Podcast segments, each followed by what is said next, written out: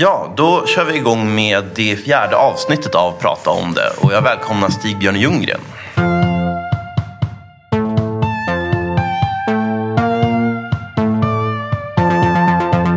Tack så mycket. Du är eh, statsvetare med, som du själv kallat det, socialdemokratiska böjelser eller folkpartistiska böjelser, lite omväxlande. Vad är det som gäller? Eh, Ja, Folkpartiet finns ju inte längre. Eh, eh, Det finns inget riktigt liberalt parti heller. Eh, Ja, jag är ju jag är socialdemokrat i den meningen att jag är med i det socialdemokratiska partiet. Sen kan man ju säga att, att, att om man med socialdemokrati menar en ideologi eller en politisk strömning eller som jag brukar kalla det en ideologisk mosaik, då är ju alla partier i Sveriges riksdag socialdemokrater på ett eller annat sätt. Det går inte att förhålla sig till svensk politik utan att man förhåller sig till socialdemokratin. En ideologisk hegemoni alltså. Ja, eh, som naturligtvis är rätt bred och eh, uppluckring och sådär. Så att eh, återigen, det är inte partiet, det är ju inte socialdemokratin som parti längre som är den här stora solen kring vilken de andra partierna snurrar som planeter, vad som Tingsten sa, utan, det- utan det, är, det är ett universum i upplösning.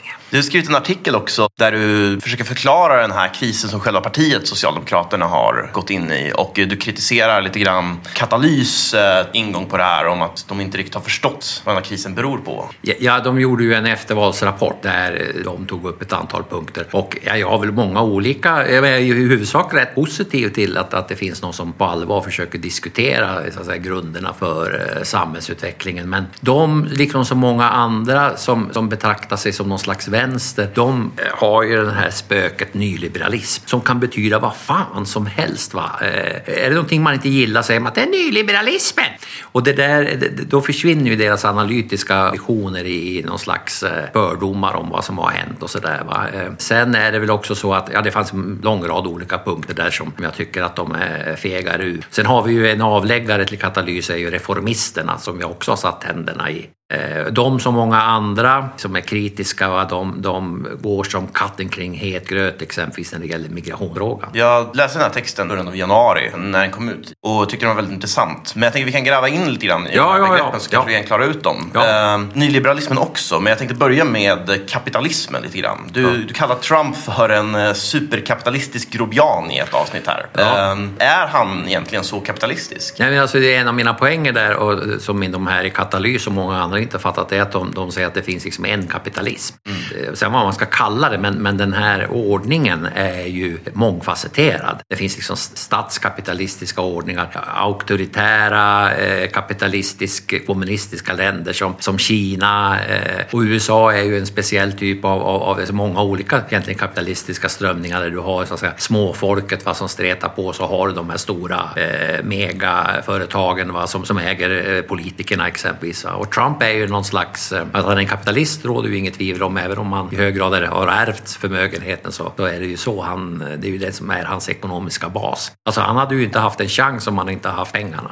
Han är ju en slags jakobin va, från eh, högerhåll, som en slags revolution. Alltså folket idag gör revolution via valurnorna. I USA har de röstat på en kapitalist, känd från TV. Eh, I några länder röstar man på en, en skådespelare som har spelat ledande politiker i TV. Och, och, så att säga, det är ett, ett helt menageri av, av olika typer av, av grobianer inom citationstecken. Barack Obama, det, det glömmer ju folk nu. De tycker det är så förskräckligt med den här eh, Trump. Va? Eh, de glömmer bort att Barack Obama vart ju också vald på ett förändringstema som en slags protest emot etablissemanget. Eh, det har folk glömt bort, va? bara för att han var liksom så trevlig. Alltså, det var liksom good karma och nu är det bad karma. Det är ju förstås ingen tvekan om att Trump är en superrik företagare och att han har ju förstås dragit nytta av det kapitalistiska systemet. Man kan ju också se det som den rena otyglade marknaden så att säga. Alltså att kapitalismens kritiker ofta vänder sig mot det systemet där ja, marknadskrafterna får vara så fria som möjligt och det blir ja, ren, ren konkurrens. Men Trump har ju även inskränkt det systemet. Ja. Så det blir ju lite komplext på det sättet. Jo, men eh, kap- kapitalisterna vill gärna ha regleringar när de gynnar dem själva. Ja, men det är det som är,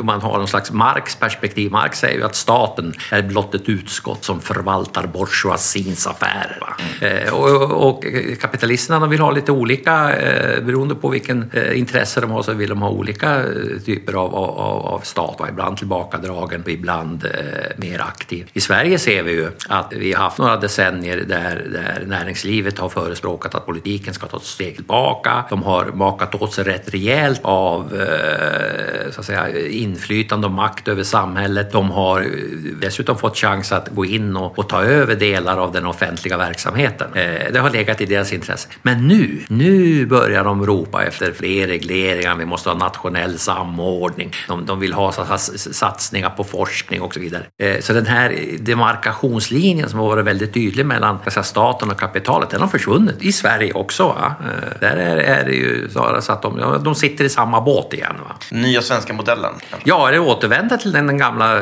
gamla modellen va?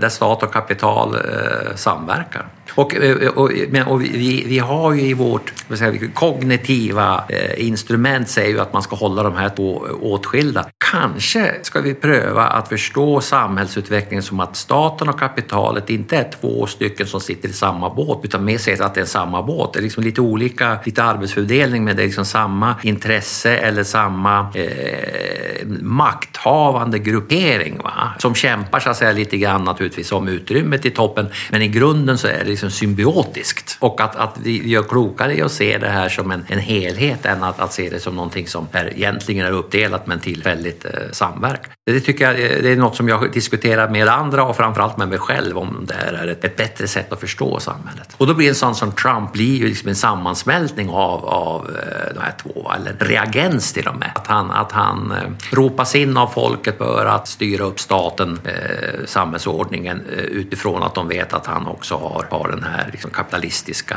eh, fundamentet va? som anses då renare idag än att vara politikerproffs. Va? Jag tänkte ju komma in på den distinktionen pro-market, pro-business. Det skulle ju kunna göra då att både många mm. företag och staten kan ju vara pro-business snarare än pro, att låta marknaden vara så pass fri som möjligt. Men många företagare hatar ju samtidigt Trump. Många traditionella republikaner tycker att han har inskränkt konkurrensen. Han har väl med sin popularitet bland de här massorna. Ja, jo, men så är det ju. Och det intressanta är ju när man diskuterar Trump och i Sverige är ju, alltså i den politiska eliten så vet de ju mer om olika amerikanska politiker och delstater än de vet om svenska kommuner ibland. Mm. de har knappt någon koll. Men nästan alla de här, de, de pratar med umgås med när de är över i USA, det är ju sådana som hatar Trump. Och sen läser de något, kanske något reportage i DN eller så där, om när man gör någon djupdykning i, i bland de som är, är, är pro-Trump. Men om man känner folk i USA som är pro-Trump, då får man ju en annan bild än den som, som man får exempelvis via svenska medier. Och det är ju också då som, om man pratar med de som är lite mer krassa och bedömer en trovärdig framtidsutveckling för USA, de säger att han kommer antagligen bli omvald om ekonomin fortsätter att gå bra. Och allting tyder på just nu att han har, har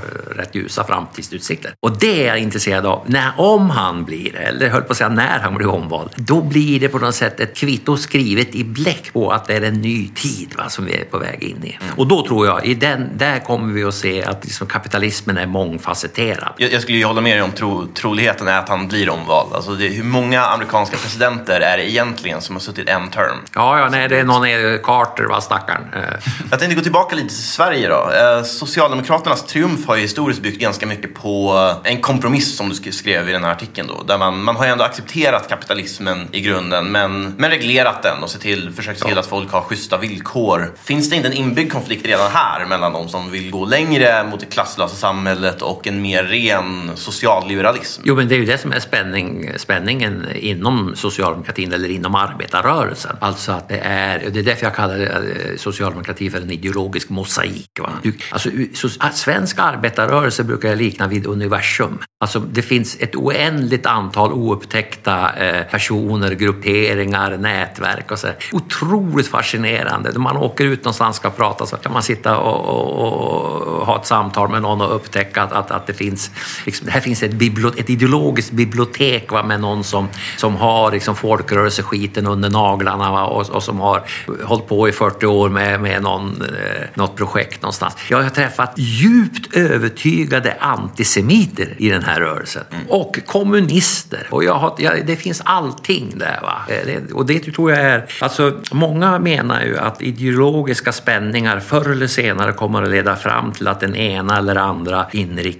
försvinner. Ett bra exempel är Moderaterna. Alltså, det är ju liberalism och konservatism. Och i det långa loppet måste den ena besegra den andra. Tvärtom! Det är inte otroligt styrkebälte att kunna ha den här ska säga, mångfalden. Va? Eh, den här ehm, eh, regnskogen av, av, av, av massa olika arter och, och inriktningar. För det innebär att man har alltid chans att komma på fötter. Medan de här mer renlärliga partierna som säger att det är bara så här det ska vara. De, de, de eh, gör det dels för att de är mindre och sen så fortsätter de att vara små för att de är för renlärliga istället för att ha liksom en, en, en bred kyrka. Och socialdemokratins tyngdpunkt har ju förflyttats. Från, från början var det ett, ett parti som var socialister. Mm.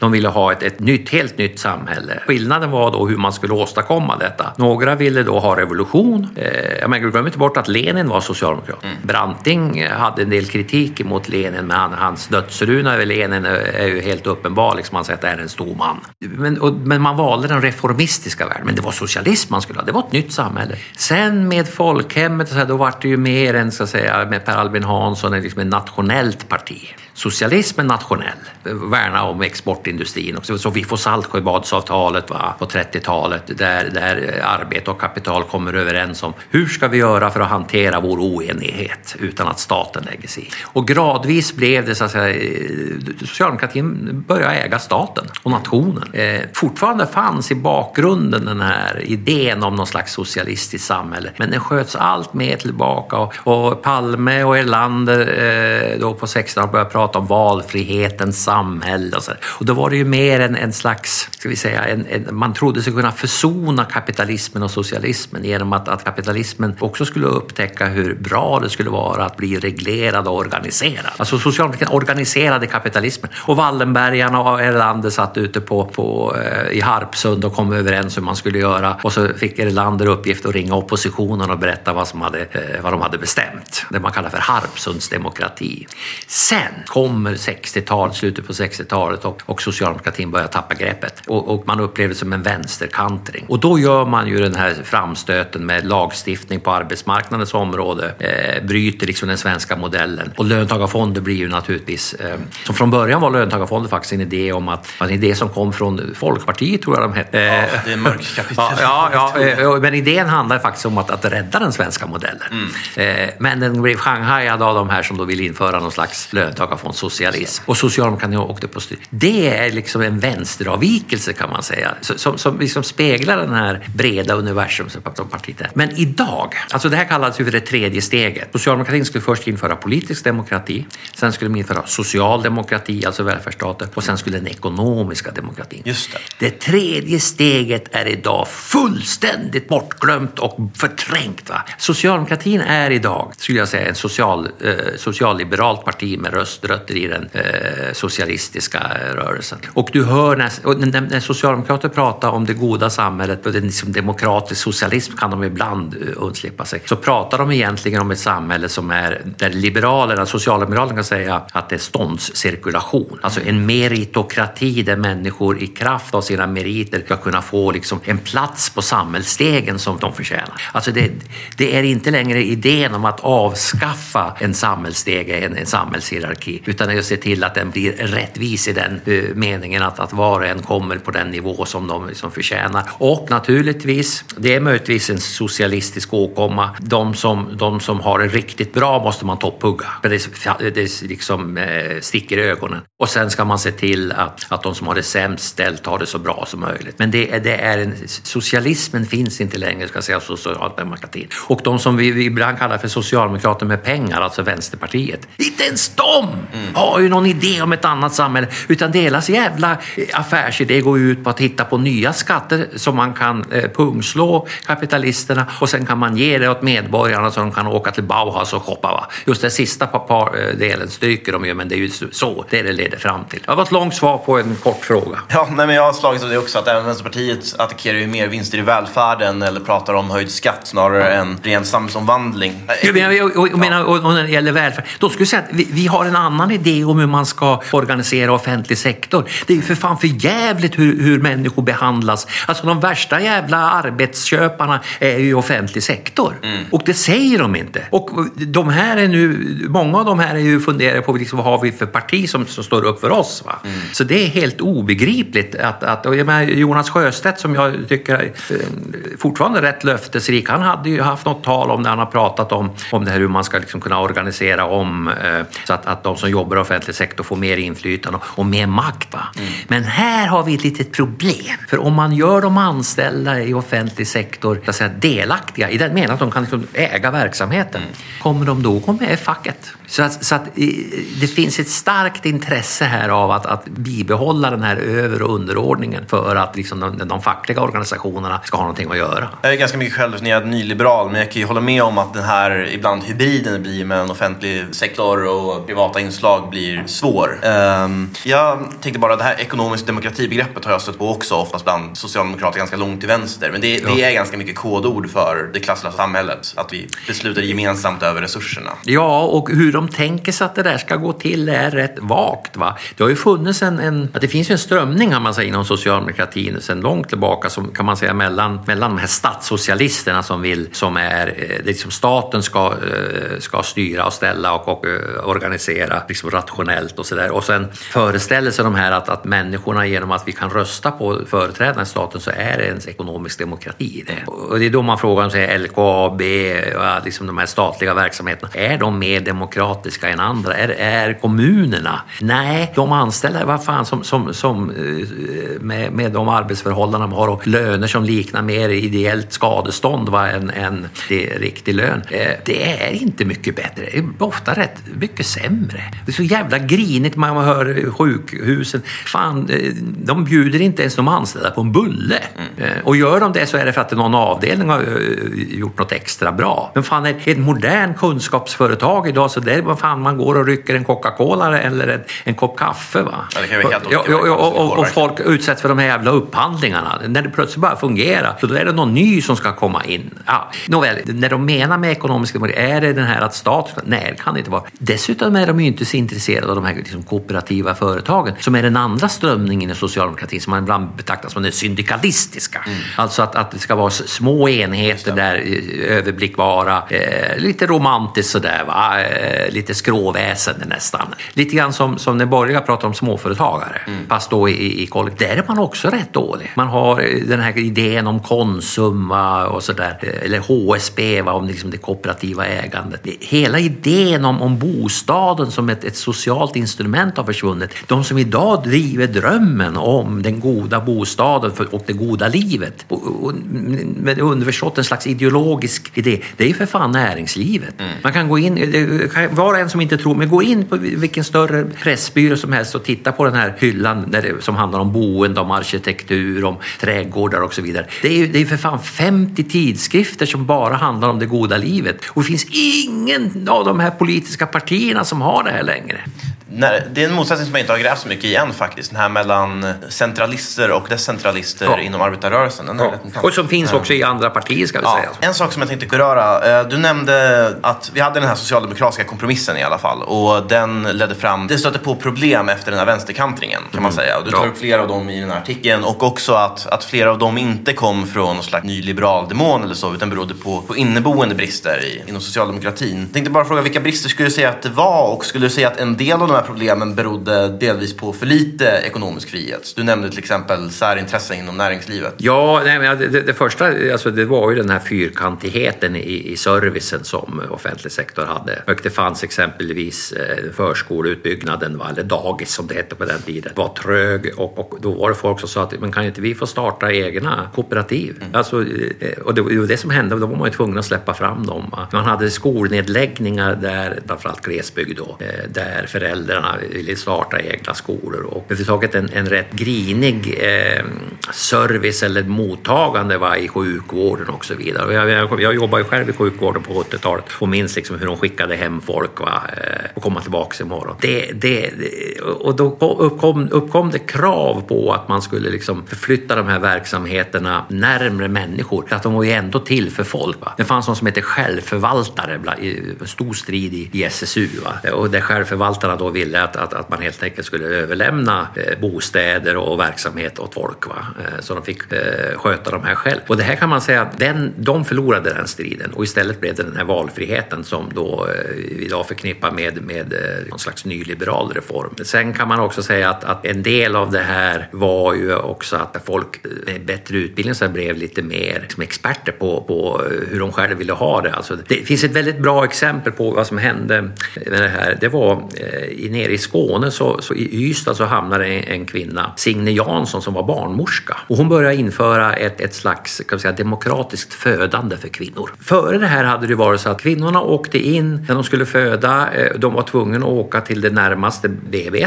Alltså man hade en kommunal husarrest brukar man kalla det för, för kvinnor som skulle föda. Va? Eh, som du är till hänvisad till den här kliniken. Och, och, på den tiden så då var det liksom eh, papporna fick inte vara med. Det var liksom ett slags industriellt födande. Hon införde någon slags demokratiskt födande där kvinnan och, och pappan fick vara med och, och, och, man fick bestämma på vilket sätt man ville ligga när man skulle föda. Och det blev liksom alla möjliga, alltså en slags dialog. Va? Mm.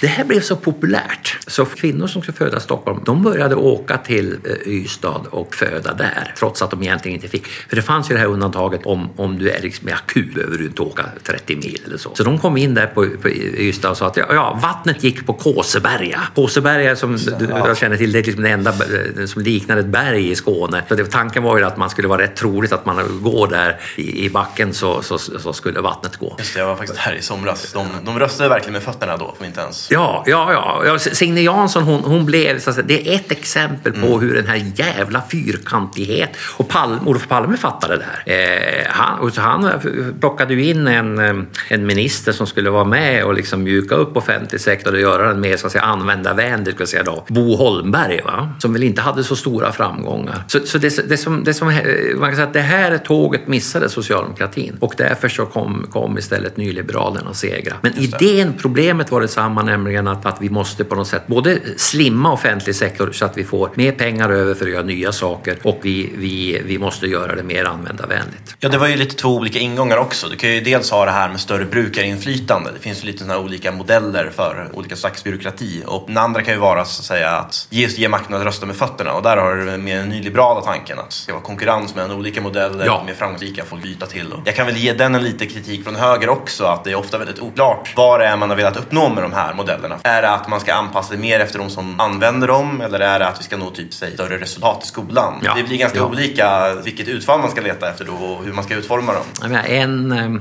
invändning man har mot den här valfriheten att rösta med fötterna det är ju att om folk inte kan göra det då kommer de att stanna kvar och försöka förbättra verksamheten istället. Mm. Eh, och då kan man säga, när det gäller skolan så är det väl så att skolan inte riktigt blev så bra eh, som det var tänkt. Det beror ju på det här med att, att istället för att stanna och, och liksom ta strid för undervisningen så, så har man bara bytt skola. Och har inte det fungerat har man bytt en gång till. Va? Eh, och där fanns det ju förslag då inom ramen för den här socialdemokratiska självförvaltarskapet att satsa mer på hem och skola. Alltså att föräldrarna skulle involveras i skolans arbete va? Och, och barnen också naturligtvis. Men det ville inte politikerna och framförallt inte lärarna. Va? Hur skulle det gå? Ja, och, och då, då, vet jag, en eh, bra invändning, nu ser vi hur det gick också. Idag är lärarna de som får skulden för när ungjävlarna inte sköter sig. Va? Eh, föräldrarna ligger på och plågar dem. Det är ett helvete att vara lärare va? Med, med en massa eh, föräldrar som eh, låtit dem överta uppfostran. Eh, nej men eh, så att, så att det här, här, eh, det här med att rösta med fötterna, ja, i grunden är det så. Alltså att, att, och det är ju det som är poängen med demokratin, är ju att partierna håller sig på tå därför att de vet att om vi inte gör det så förlorar vi väljare. Eh, och därför så är det bra att ha den, för exitmekanismen gör att, att, att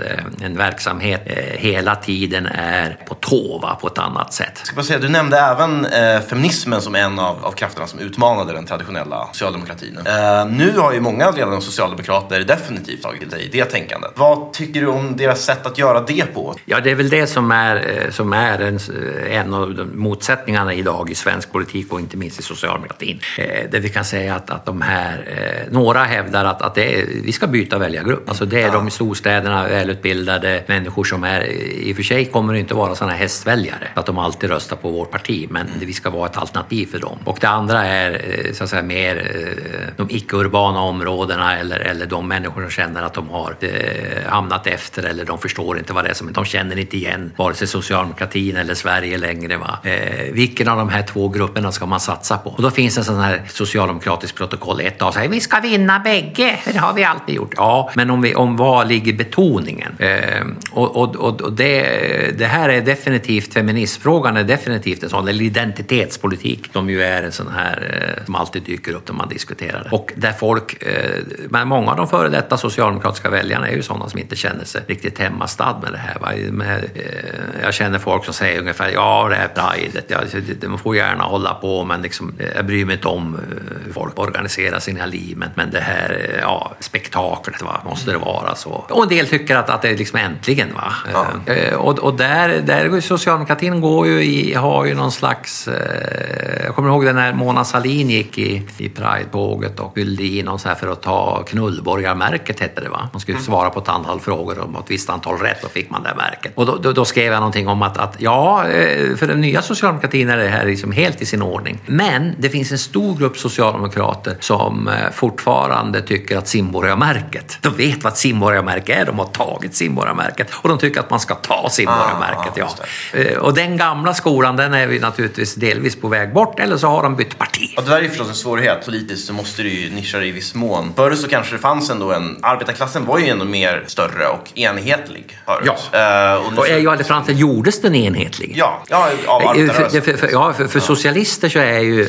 Socialister skiljer på arbetare och arbetarklass. Ah. Arbetare är, det kanske hörs på ordet, någon som arbetar. Men arbetarklass, det är någon som är medveten om att vi är en grupp som försörjer kapitalisterna. Om vi samverkar kan vi påverka samhället. Vi går med in i facket, vi, vi är beredda att strejka för bättre arbetsvillkor och löner. Eh, vi kan också politiskt eh, genom våra partier påverka. Alltså den där klassmedvetenheten, arbetarklass är liksom någon som, som tar kampen va, på ett eller annat sätt. Eh, det, den kräver ju en form av identitetspolitik. Mm. Det är ingenting som, det, det, finns, socialister brukar säga att det finns hos, hos arbetarklassen en slags, eller hos arbetarna en slags spontanitet i att man, man förstår det här intuitivt.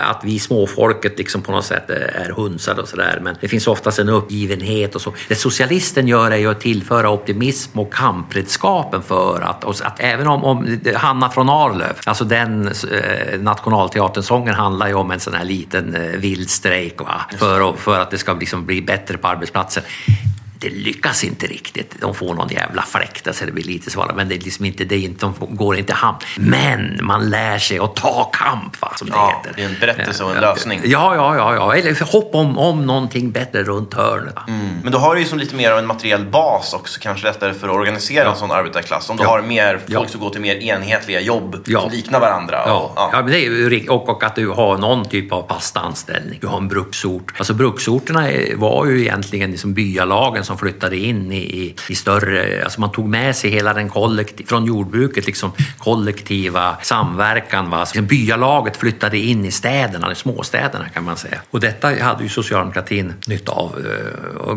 de hade ju också nytta av att, att andra hade lärt folk att organisera sig. Innan facket kom så hade vi ju både nykterhetsrörelsen och, och, och eh, väckelserörelsen. Va? Och det där bryts ju sönder nu i det urbaniserade, liksom postmoderna samhället. Så finns inte alls den, där. och där folk hoppar från jobb till jobb. Mm. Kapitalet har splittrat upp arbetarklassen kan man säga. Ja, liksom, produktivkrafterna har gått ifrån en, alltså det man kallar för det postfordistiska systemet. Mm. Man går från löpande bandet till att det blir mer, det är fortfarande en del muskler men det är rätt mycket maskiner och de kontrolleras av hjärnorna. Va? Mm. Och hjärnorna de organiseras inte utifrån ett löpande band längre utan utifrån ja, mobiltelefonen kan man säga. Mm. Det går bara att titta vilken by byggarbetsplats som helst va, idag. De pratar inte svenska, de pratar i mobiltelefon för att samordna. Det är olika eh, arbetslag som har de olika momenten. Va? Det här handlar ju delvis om en ganska naturlig samhällsutveckling kan man säga när vi har fått så här fler sektorer helt enkelt mm. än industrisektorn. Men det har ju dykt upp en del nya konfliktlinjer nu eh, kring det här också, vilket du tar upp i, i artikeln. Du, du nämner att man, man brukar pra, prata om dem som att det har gått lite mer från vänster till höger till gall och tann. Skulle du hålla med om den beskrivningen? Eller? Ja, ja, ja alltså det är ett sätt att beskriva det. Det, det som är min eh, käpphäst just nu, och det kommer jag inte ihåg hur mycket jag hade i artikeln, det är ju att, att vi står inför det jag kallar för det linjära sammanbrottet. Alltså möjligheten att förstå samhällsutvecklingen genom att vi ritar linjer på ett papper och prickar in saker och ting och utifrån det kan förutsäga nästa steg. Den, den blir försvagad. Va? Och, och höger-vänster-skalan kan man säga, det är ett, ett, ett försök som fortfarande funkar rätt bra om man testar den på väljare och så, här, så kan de pricka in sig och man kan förutsäga hur de röstar och så vidare. Eh, men inte liksom, en, svag, en försvagning av detta och sen har man då för att begripa hur partier och aktörer organiserar har man lagt på den här andra galtan. Förr hade vi tillväxt, eh, liksom grön dimension eh, och alla möjliga försök att liksom schematisera de politiska ideologierna och partiernas utveckling. Så det blir allt svårare. Det blir allt svårare för oss att förutse. Och det är därför vi har den här kanaljen i Vita huset. Mm. Eller han i, i, i, Frankrike, var fan kom han ifrån? Och, och ja, Brasilien och, och, vad vi nu tar för land. Eller de gula västarna är ett bra exempel. Mm. Hur fan ska vi eh, klassificera en politisk rörelse som vill att man ska få köra fort på vägarna och att man ska ha ökad förmögenhetsskatt? Alltså det, det är, det är ehm, de gula västarna jag sett i Sverige som finns på nätet. De är inte, det finns ju inte en spån som ligger rätt där. Va? Det, det, är som, och det, det, är det, det linjära sammanbrottet är liksom den kaotiska situation där, som antagligen är, tror jag, den nya normala. Mm. Man skulle så, kanske kunna få det till vänstertann och hög, att, att Macron blir högergall eller sådär. Ja, ja, ja. Det, det, men liksom, vad, vad tjänar någonting? Det, och, och det är att om när du väl har prickat in honom, vad blir hans nästa steg? Jag har inte en aning! Nej, Nej jag har tänkt på det också, att höger och vänster är ju någonstans baserat ganska mycket på ideologier. Men gall och tann, det är kluster som egentligen inte behöver vara tann. Man skulle kunna vara grön och auktoritär. Ja. Eller ja. Det har ju åtminstone kommit till en dimension som handlar om gränser en hel mm, del. Mm, ja. Och där man, framförallt att, att vänstern har fått en liten utmaning. Man har ofta sett sig som att man står på de förtryckta sida. Eh, men nu så blir det ju som att du har olika förtryckta grupper som kanske inte uppfattar att de har samma intressen. Det har varit arbetarklassen traditionellt, nu har vi flyktingar till exempel. Ja, för, förr var det sammanföll det någorlunda. Eh, alltså underklassen var en, kan vi säga, en undergrupp till arbetarklassen. Eh, det fanns en, en gråzon där. Va? Men, men när du pratar om underklassen så är det ju, var det ju oftast sådana som kom från, från arbetargruppen. Va? Idag har du ju fått en etnifiering av underklassen och som dessutom uppfattas av de traditionella svenska så att säga, trasproletariatet. Alltså vanliga gamla hedliga svenska alkisarna på, på, som satt på bänken och kunde tjäna ihop en slant på att samla lite burkar och kanske tigga lite också. De har blivit som utkonkurrerade av de här. De är skitförbannade va, för deras marknad har försvunnit. Eh, arbetarklassen har blivit medel, medelklassifierad i hög utsträckning va? Eh, med, med F-sedel och dricker vin efter druva och sådana saker. Så att det är, det är liksom en fragmentisering av, av samhället och där den här nu säger, enhetligheten har, har eh, liksom försvunnit. Och, och då blir det svårare, men det går inte längre att ha ett budskap till sina potentiella väljare utan vi måste ha det här som kallas för microtargeting, att man siktar på olika grupper som man har identifierat i det statistiska materialet. Va? Och det är därför partierna uppträder allt oftare som popcornmaskiner. Va? Att de slänger ut olika popcorn i olika riktning till att sikta på vissa grupper. Va? Så, och det är svårare och svårare att hitta den här liksom, gemensamma länken för värdighet som för att leda landet. Och då finns det en gammal hederlig rätt rätt post för den som vill samla nationen och det är ju naturligtvis att prata om Sverige, svenska folket. Det är ju svårt därför att man tänker sig från början att, att arbetarklassen i alla länder ska förena sig. Men om man tar mm. Laval-konflikten som det Ja, go home. Eller, ja. ja. eller med tiggare som förstör gatubilden och det är för den gamla hederliga arbetaren så är det ju inte värdigt att tigga för försörjningen och så vidare. Utan vi ska, ja, man ska inte stå med mössan i hand. Man mm. har varit en av de här säga, identitetsbyggande delarna för att göra arbetarna till arbetarklass. Va? Kom ihåg när jag jobbade på fabriken hemma så hade vi en diskussion. Bolaget ville att man istället för att stänga ner bruket över helgen, alltså storhelgen, eh, jul och nyår, så skulle vi jobba och så skulle vi då få jävligt bra betalt. Och då var det de som sa, nej, det, här, det, det vore ju naturligtvis bra, men vi ska liksom visa dem att, att vi står inte med mössan i hand bara för att de viftar med pengarna. Så, eh, så det är ren stolthet. Va? Ska, nej. Men eh, man skulle säga att det finns en vänster kvar på samma sätt. Eller vilken, vilket förhållningssätt skulle man kunna ha då när vi har den här nya konfliktlinjen? Som, du, du skriver ju själv att man kan inte, inte riktigt bara tänka bort den. Eller bara genom att prata mer om arbete mot kapitalkonflikten ska vi inte återföra den bara genom att vi vill. Ja, ja, nej, ja, det finns ju en vänster, va, en del kallar för nationalbolsjeviker, som säger att, att det här med importen av arbetskraft är bara ett sätt för kapitalisterna att undergräva arbetarklassens ställning. Mm. Och det här har vänstern inte vågat uppmärksamma. Va? Och, och att migrationen är, det är liksom, ja, det, det kommer att leda fram, redan lett fram till sänkta löner och så. Men den är ju rätt liten. Va? De flesta i vänstern är ju då ju så att säga på integrationsindustrins sida, eller kanske till och med jobbar där. Va? Eh, eh, och eh, tycker att den här med omsorg och så är oerhört viktigt. Humanitet. Eh, men lyssnar man på en vanlig vänsterpartist idag så får man ju mer intryck av att det är liksom Jesus som talar än Lenin. Nej, jag, jag, jag, jag har ju något tillfälle tänkt att jag ska sluta använda ordet vänster för jag tycker inte att det finns i den meningen som jag, jag själv skulle vilja att det, det fanns. Men det är rätt svårt. Va? Den här beteckningen finns ju. Nej, men jag, ser, jag ser inte... Eh, det är väl en del av det linjära sammanbrottet också att det inte finns någon riktigt bra vänsteridé. Och jag tror det skulle behövas det. Mm. Då kan man möjligtvis säga att det finns ingen riktigt bra på, på den andra kanten heller. Eller var man nu tittar någonstans. I alla fall i Sverige så finns det ju inte någon som har ledartröjan. Mm. Den här som några efterlyste, en vuxen i rummet. Den posten är fortfarande ledig. Om någon känner sig manad så är det bara att kliva fram. Va? Det är ett fantastiskt uttryck i alla fall. Jo, alla vet vad, det, vad som menas. För alla har varit i, i skolklasser. Om det inte finns en vuxen i rummet så går det åt helvete. Mm. Från högerperspektivet så kan jag absolut erkänna att det finns ju säkert intresse för kapitalet så att säga att ta in arbetskraft från utlandet och ja, att kontrollera det från arbetarrörelsens sida. Alltså, det handlar helt enkelt om att begränsa utbudet av arbetskraft. Jo, jo, facket är en kartell, en kartell på arbetskraftsutbudet. Så enkelt är det. Men det säger de ju själva. Jag tänkte faktiskt gå vidare till ett helt annat ämne. Eh, NATO. Oj, ja. Jag hade en diskussion med dig för några år sedan, har för mig det var, i ett något luftsammanhang föreläst för oss. Eh, du, du sa att du inte tyckte Sverige skulle gå med i NATO. Eh, nej, nej, nej. Jag tänkte bara höra varför. Nej, vi är ju redan med, ah. fast på våra villkor. Nej, men eh, för det första, Sverige kan inte själv gå med, utan vi och Finland ska göra samma sak. Det, det, finns liksom, och, det är för att, att det är gamla rikshalvan. Och vi har ett stort gemensamt intresse, vi har en stor gemensam eh, Eh, granne i öst. Va? Eh, vi har en, eh, en granne i öst som har goda skäl att vara jävligt nervös. Därför att, att de vet att, att gamarna cirklar runt det här landet som är enormt, enormt stort och alltid varit ett problem med, med styrningen eh, och nervösa makthavare va? som har eh, använt sig av, av eh, hög våldsnivå va? I, i styrandet va? för att kunna kontrollera. Och ryssarna eh, har lärt sig några saker av historien. För det första, de kan inte lita på någon. Kan inte lita på någon. De måste alltid se till att, att de har eh, garden uppe. Det andra de har lärt sig, det är att, att man ska inte vara tvåa på bollen. Man ska, Putin verkligen lär sig. Ja, ja det, det, och det gäller att vara proaktiva. Tala om att det här är konsekvenserna. Och det tredje är att om det blir en konflikt så ska den inte utspelas på, mot Rysslands jord. Den här gången är det de andra som får bära bördan av, av kriget. Va? Och, det, och det där ska vi ha klart för oss. Det är det är en realistisk tolkning. Och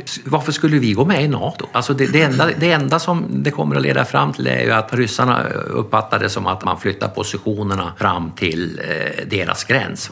Som sagt, Finland är fortfarande med där, eh, om Finland också går med. Och gör de inte det så kommer ju trycket mot Finland att bli en rysk buffert och öka. Va? Och mm. finnarna har dåliga erfarenheter av att utmana ryssarna. Om vi ska gå med i NATO, så vad är liksom poängen med det? Utan det snarare ska vi säga så här, vi, vi är icke med i någon allians. I händelse av konflikt ska vi stå neutrala om vi kan. Och för det tredje, och det glömmer ju oftast de här som försvarar den gamla svenska linjen eh, bort. För att understödja de här två första punkterna ska vi ha ett efter nationens storlek starkt försvar eller krigsmakt. Och det var liksom den traditionella svenska linjen. Och sen är det ju så att då vet ju de här som eventuellt hoppar på oss att, att går de på oss då ska de veta att vi har en plan B. Och det är att då tar vi hjälp av dem vi kan ta hjälp av. Mm. Och då blir, i svenska fallet blir väl det då i så fall NATO. Mm. Men vi, vi, kommer, vi kommer inte att överlåta eh, Gotland exempelvis till, eller någon annan del av Sverige för eh, operativ verksamhet från eh, ett annat land riktat mot ett tredje land. Och, och, och, så länge vi upprätthåller den,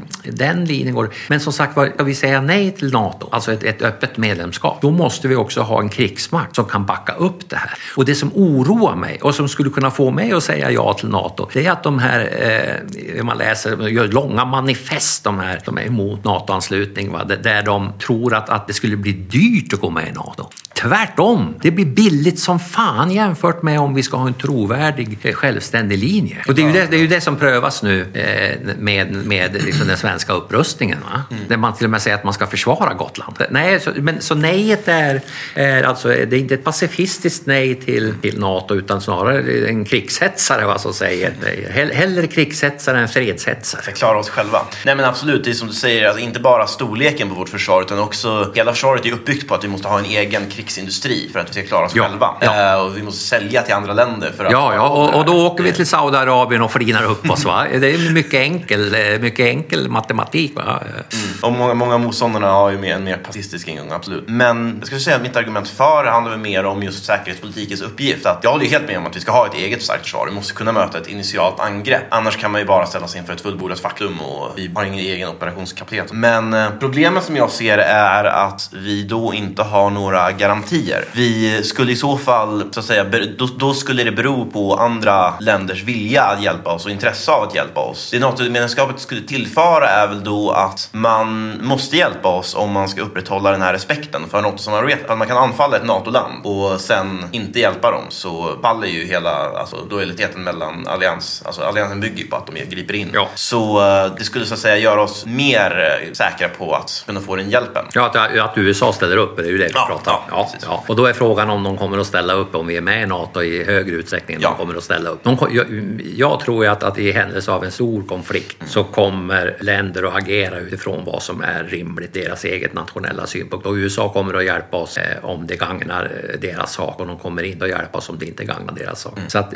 och, och då, eh, det man föreställer sig då är att NATO är en slags koalition som är eh, omöjlig att bryta. Va? Men, och för sig. Ja, nej, nej, men, men, ja, men och, och, det är klart att, att det är en signal till, till omvärlden att man går med så att vi är beredda att hjälpa er också. Problemet med det är ju då att, att vi då också eh, när eh, en viss händelse inträffar lovar att skicka det vi har. Mm. Eh, och då kanske vi blir indragna i någonting som vi egentligen inte är intresserade av. Mm. Och vi ska ju inte glömma att skälet att vi förlorade den gamla rikshalvan, eller att Finland bröts ut ur Sverige, det var ju just för att vi var de enda jävlarna förutom engelsmännen som stod upp emot Napoleon.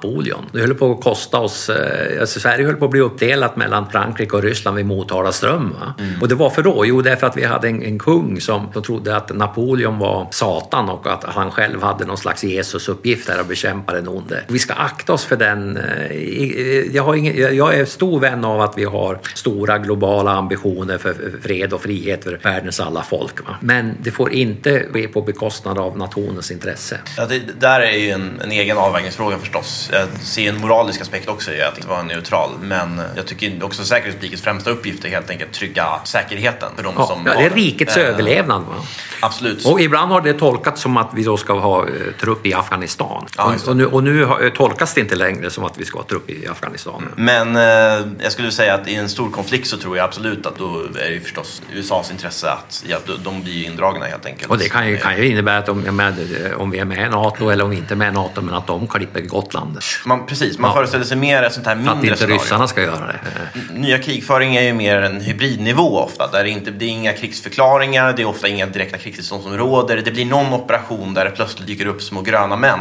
Ja. Och sen så funderar alla på om vi är i krig eller inte. Ja. Vad gör USA i ett sånt fall? Liksom? Där, där ser jag ju en klarare gräns skulle gå mellan ett land till exempel har NATO-medlemskap och inte. Ehm, Jag och, och, och, att amerikanerna, men det, det, det sägs ju att det var något amerikanskt uttryck att som Sverige är under kalla krig. Ja, de är neutrala på vår sida. Ja. Och det tycker jag är en bra linje. ja, nej, jag, jag hoppas ju definitivt att de skulle hjälpa oss även om vi inte är medlemmar. Ja, ja, men, och sen måste vi prata med ryssarna. Vi måste, och, och, eh, det kan vara kulturutbyte och allt möjligt. Och vi måste börja läsa historia. Ryssarna de kan bara fräsa någonting om man har glömt Poltava. Och, och eh, jag ska säga 99 av 100 svenskar de, kan inte de har hört talas om Poltava och att det var ett nederlag. Men de, de kan liksom inte redogöra för den politiska bakgrunden. Men ryssarna har detta klart för sig. Och de, de, de lever i historien. Va? Eh, Och eh, känner sig, liksom, precis som kineserna känner att, att de har fått för mycket stryk. Va? Och därför får de ett, ett förståeligt behov av att faktiskt hålla garden uppe. Jag, måste, säga, jag, jag har själv svårt på den linjen med tanke på att rent intuitivt, Ryssland är ett av de länderna som historiskt har expanderat mest. Man har erövrat hela Sibirien och eh, stora delar av Kaukasus och så vidare och ännu mer som man nu har förlorat. Eh, men man måste ju absolut förstå det perspektivet, håller jag med om. Och också att man har ju, man har ju det här perspektivet att de gamla öststaterna och så vidare är i någon slags testsfär. Och en att dialog håller jag helt med om att det behövs. Och jag tror inte heller att vi borde föregripa vad, vad Finland gör. Du skrev en till artikel som jag tänkte upp. Eh, om Greta Thunberg. Ja, Skulle du vilja sammanfatta den bara väldigt Nej, artikeln handlar väl egentligen inte om Greta utan om, om eh, framförallt reaktionerna på Greta. Ja. Eh, och jag försvarar den här med att vara ung och dum därför att att vara äldre och förståndig är inte lika givet. Det kan också vara äldre och förstockad. Gammal som det heter. Va? Och då tar jag något exempel på det. Och att jag i min, min i skolutbildningen där på, när jag gick i skolan på 60-talet fick vi ju lära oss om de här unga hjältarna. Va? Alexander den stora och, och, eh, och liksom att man skulle vara vara envis med, med vad man som ung ville åstadkomma. Så att eh, det är väl en tråd. Sen är det en annan tråd, det är ju diskuterat hur ska vi hantera med klimatkris. Va? Det är väl ungefär säger så här att, att klimatet förändras alltid och, och vi vet att det kommer att gå åt helvete ur mänsklig synvinkel. Det är väl, eh, jag går inte in på huruvida vi får försöka avgöra om, om de här alarmisterna har rätt eller fel utan jag säger antag att de värsta scenarierna stämmer. Kommer vi då kunna hantera det? Ja, sen är det väl något, det är en rätt lång essä så att, eh, ja, den finns att läsa på Smedjan. Ja, jag kommer lägga ut länkar till de här Bra. vid avsnittet. Men eh, jag, jag såg ju också att du skrev att det var en ganska undersökande text. Liksom. Du försöker Ja, ja. utforska den. Men jag tänkte se om man kan dra ett par slutsatser Ja, ändå. ja. Som du skriver så utgår hon från ett väldigt pessimistiskt scenario. Och man kan ju förstås ha ett sånt pessimistiskt tankesätt om att det är bäst att vara säker från osäker och Ja. utgå från att det värsta kommer hända. Men det blir ändå en fråga där den bakomliggande naturvetenskapen spelar väldigt stor roll. Ja, alltså du må- måste ha någon slags faktabakgrund va? och då inte bara i form av, av statistik eh, med eh, hockeyklubbor och allt vad man har för någonting utan också eh, metoddiskussion. Alltså, eh, Vilka är våra möjligheter att förutsäga eh, klimatförändringar? Som vi vet är liksom naturliga. Va? Eh, vi måste, måste ha, lyfta in koldioxid, vi måste lyfta in solens aktiviteter, jordaxelns lutning och allt vad fan det är för någonting. Va? Eh, så att, så att, eh, och, och så att, jag säger att fakt, det finns fakta. Ja, men det finns en himla massa fakta. Eh, så, att, så att det går inte, det finns ingen, ingen tydlig eh, linje från faktaredovisning till handlingsplan. Eh, och det, den stora diskussionen är ju då, eh, tycker jag inte ska vara huruvida det är en klimatförändring eller inte. Det är klart att det är en klimatförändring. Det kommer klimatförändringar automatiskt även om vi, eh, vi människor inte finns. Frågan är, vad är det, kan vi göra någonting för att påverka egentligen? Och i så fall, vad ska vi göra? Det här är en av de svårigheterna som jag ser. Alltså, dels har vi det här att ett av de problemen jag har sett med det här att man behandlar det just som att det finns en uppsättning fakta. Men här finns det ju så många komplicerande faktorer så att frågan blir nästan helt omöjlig för lekmän att följa. Ja, förutom då att vi verkar påverka klimatet ungefär. Eh, Men, men att den här rörelsen behandlar det lite grann som att det, fin- det finns en forskarvärld och en, ett scenario som kommer att hända. Exakt. Forskarna är överens. Ja, precis. Eh, Men vi har också det här med vad vi faktiskt kan göra. Om vi tar till exempel eh, ekonomipristagaren Nordhaus. Han, han menar ju att Parisavtalets mål är helt enkelt kört. Alltså vi kan inte få ner temperaturen, ökningen till två grader. Det, det går inte även om vi slutar nu i princip. Ja, ja, nej, men det är ju, och, och, då kan man säga att det är ett dystert scenario. Va? Eh, och, och då, är, då är frågan vad, vad kan vi göra då? Och tror vi att det går att genomföra på liksom glo- global nivå när vi inte har en säga, beslutande och eh, implementerande global makt? Eh, Då är det ett mer troligt scenario att alla kommer att, att, att retirera in i, liksom i, i sin egen kula för att försöka eh, försvara sig så gott det går emot de här förändringarna. Eh, Och en del hävdar ju att migrationsströmmarna delvis förklaras på grund av, av eh, klimatförändringar va? och att det här är liksom bara början. Ja. Men, men, och, och, och då finns det så här, man måste ju ha finnas, hoppet måste finnas. Här. Ja, men man kan också vara liksom realist. Va? Både ha hopp men säga att om det här... Men det är som eh, engelsmännen går, går, eller de i London går ut på en solig förmiddag så har de paraplyt med. För De vet att det kanske, att troligtvis kommer att börja regna. Va? Och så måste man tror jag ha, ha det perspektivet i de här frågorna också. Att gö- göra det man kan men, och göra det smart va? men också vara beredd på att, att det kanske inte kommer att fungera. Ja, men du tror att det kan vara en sån mer världsomspännande exekutiv makt som, som det här rörelsen sparkar mot eller? Ja, det, det är möjligt att, att, att, att om, men det kräver ju då en, en så pass allvarlig kris att några av de stora makterna går ihop och, och bestämmer. Men då blir det en auktoritärt styre. Det liksom blir inte, ingen jävla frivillighet. Va, tror jag. Och det är så, det är så oerhört många krafter som ska samverka så att det, Ja. det, det, det ser... eh, Jag säger inte att det är omöjligt, men det, just nu så finns det ingen, ingen eh, ramverk för det. Nej, du hade ett par paralleller i artikeln tror jag om eh, till andra världskriget till exempel och stora gemensamma ansträngningar. Men jag ser det svåra som dels att kan det ju vara pessimistiskt politiskt i förhållande alltså, till en auktoritär stat. Så att skulle, den, skulle den göra det här så himla effektivt eller skulle den fortsätta agera, skulle inte bara agera i egen intresse istället? Men det, det Ja. som brukar hända när det är kriser det är ju att någon, någon tar makten. Ja. Eh, Och, och det kan ju då lösa problemen tillfälligt, va? Men, men det finns ju ingenting som tyder på att de här auktoritära ledarna kan styra upp i det långa loppet så mycket bättre än vad, vad en eh, kaotisk eh, parlamentarisk makt kan göra. Vi pratar ju om, om så många människors interaktion och styra dem mot samma mål. Men i andra världskriget så hade det ju ändå ett ganska tydligt gemensamt mål. En begränsad fiende och sen en återgång till normal. Här pratar Ja. vi snarare om ett nytt Ja, normaltillstånd. Ja, ja, ja. Nej, nej, men det är helt, helt rätt. Så att, så att, eh, då, eh, då får vi fråga oss liksom, vad kan vi göra då inom ramarna för, för de här förändringarna, va?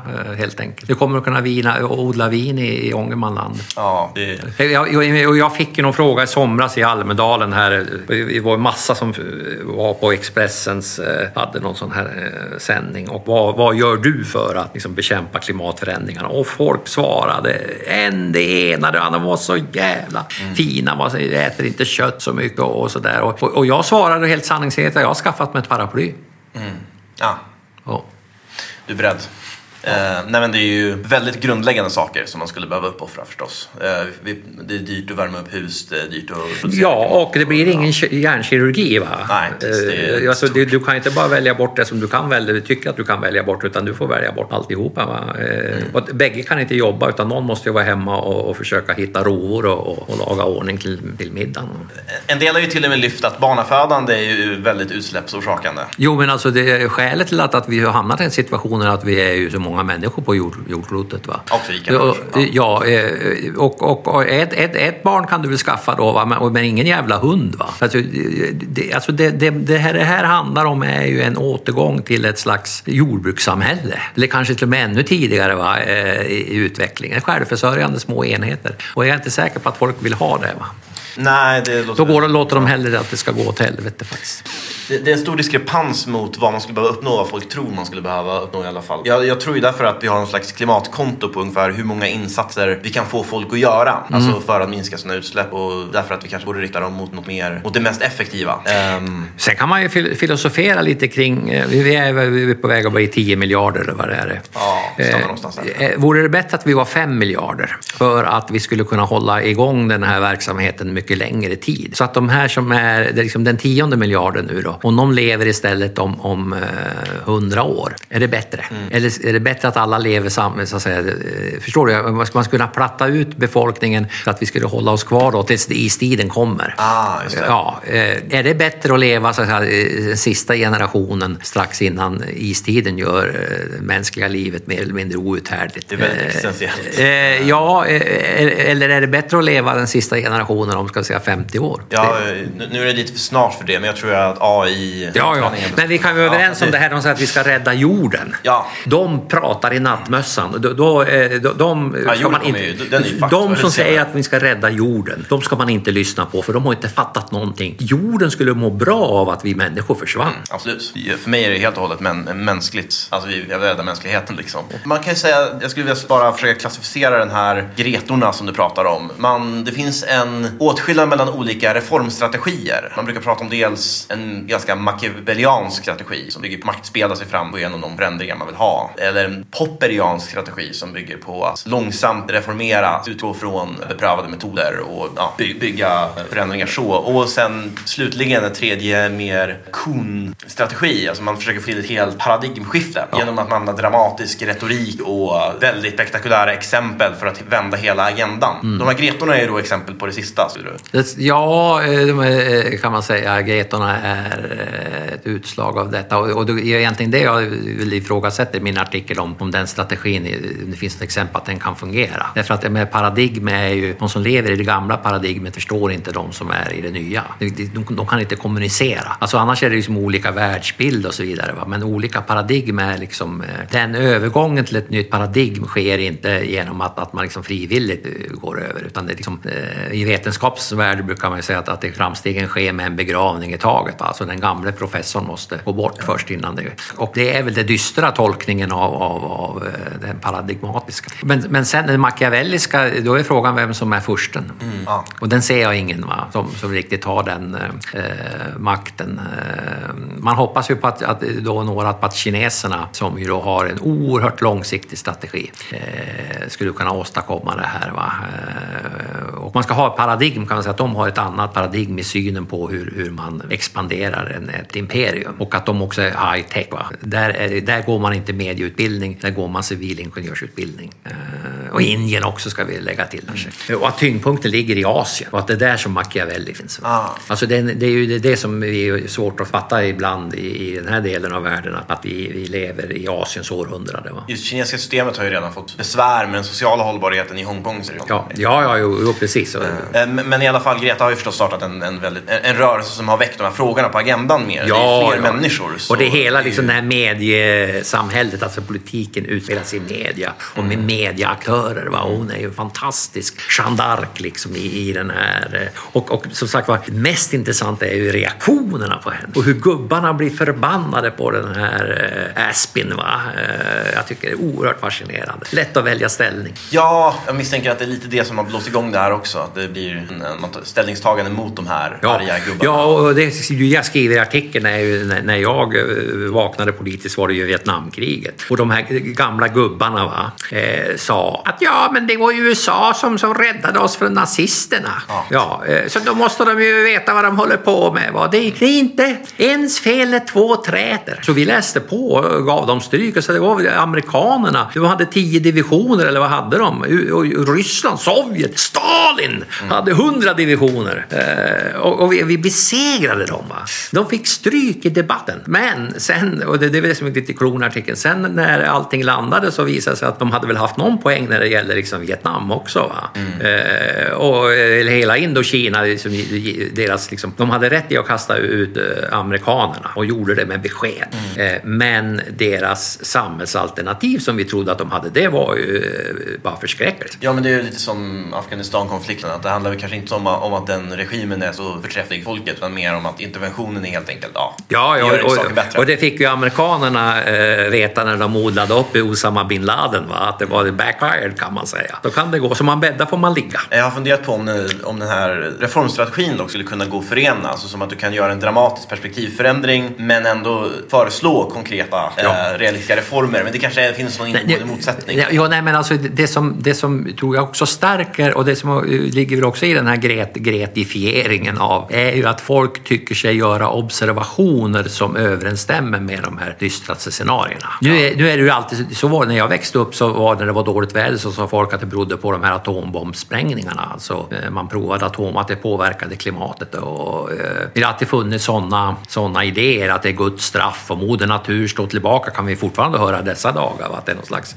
eh, gudomligt ingripande. Om, om vi börjar märka på riktigt att det händer saker och ting med klimatet, det är klart att då ökar ju så att säga, sannolikheten att få människor med på, på, på dramatiska förändringar. Mm. Det kan jag få säga verkligen till Gretas heder. Hon delar med saker som statistik över Antarktis isfrihet, eller Arktis isfrihet, snarare än, än ja, nu är det en varm sommar liksom, eller det brinner i skogen. Det är... Jo, jo, men det är göra skillnad på väder och klimat. Va? Ja, det är ja. ganska basic.